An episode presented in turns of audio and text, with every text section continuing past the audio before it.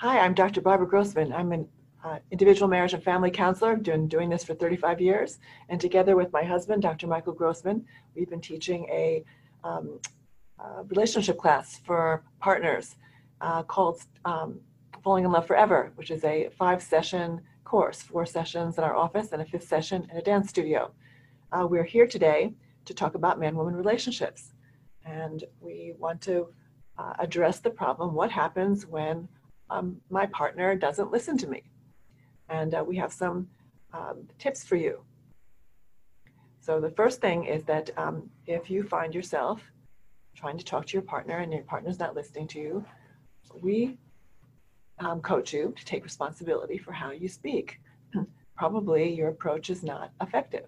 So, we suggest that you um, uh, you look to share your feelings, uh, feelings that are vulnerable feelings, soft feelings, and you um, you might need to first start by asking if this is a good time to, to chat and um, making sure the time works for your partner and then beginning to share your feelings and and having already an idea in your mind about what requests you have that will make your concerns uh, be more uh, comfortable for you and, and help you resolve them.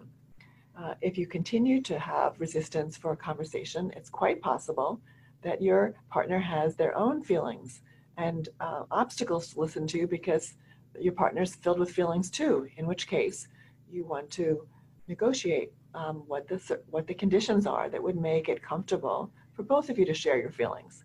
And by the way, we teach couples how to do this. We actually have a skills program where we teach couples how to share effectively how uh, to help you grow in understanding each other and how to actually um, understand yourself better so that you can present yourself in a way that's very comfortable.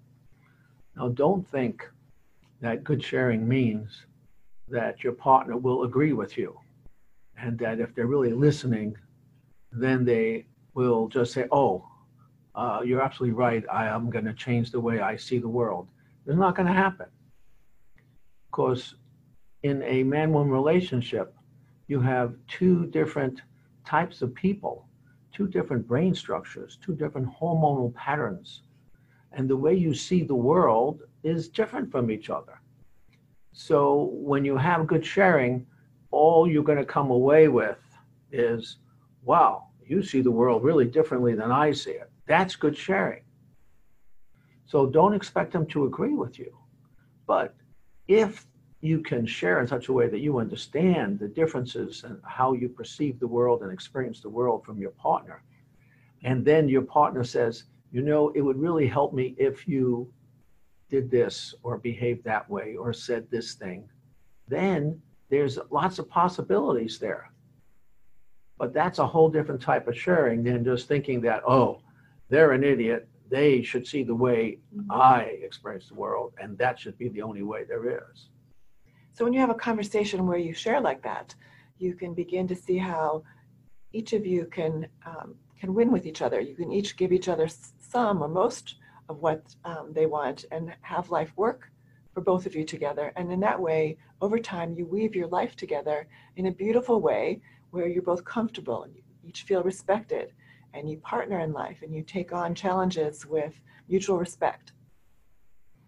And when you're sharing, as Dr. Barbara was describing, good sharing means not being angry at each other and blaming, but rather sharing your hurts, your sadnesses, your disappointments, and to share it early before there's a big dramatic upset. Because when you're sharing your anger, a big, a big emotional volcano, that's not so helpful. That just creates a lot of arguing, a lot of smoke, and it doesn't really get to the underlying feelings that are valuable to share. So when there is an upset, the earlier you can share it before it becomes really big, the better it is. You don't have to wait till it's an overwhelming process. It's better to share it in the early stages. And that's what we teach in our class. We have a whole process by which we do that. So if you're not used to sharing, or if you haven't shared in a long time, uh, you are, you know, you're you're setting a new, you're looking to set a new pattern for how to share, and it may be a little um, awkward at first or confusing. And we're happy to help you learn how to do that. Uh, and um, it starts with personal reflection. Why do I feel so uncomfortable? Why am I so steamed? Um, and you want to know um, yourself what the, not just the softer feelings that Michael's, um, that Dr. Grossman's talking about, but you also want to know perhaps how this is a vulnerable place for you, how it might um, fit in with other hurts you've had in your life that have nothing to do with your partner, so that your partner can feel um, some kind of um, uh, compassion for you. And uh, it grows a, a willingness to extend themselves to support you. Um, it's much more effective than blaming or shaming. So those are our thoughts for today, and we're happy to have you go on our our um, website, oh, our website, um, themarriagemap.com, or to go directly to the link fallinglovesecrets.com, where you can actually look at the next class we're going to have, which will be a series of two-hour classes. A lot of fun. You can do it in person or online.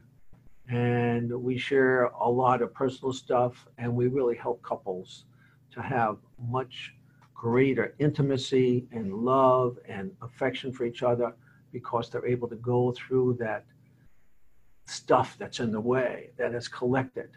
And we want you to get to a place where you feel intimate to your partner, more intimate to your partner than anyone else in the world. You feel like you're in love with them just like you were when you first were courting you feel like your heart is expanded to them, that there's nothing you want more than to make them happy.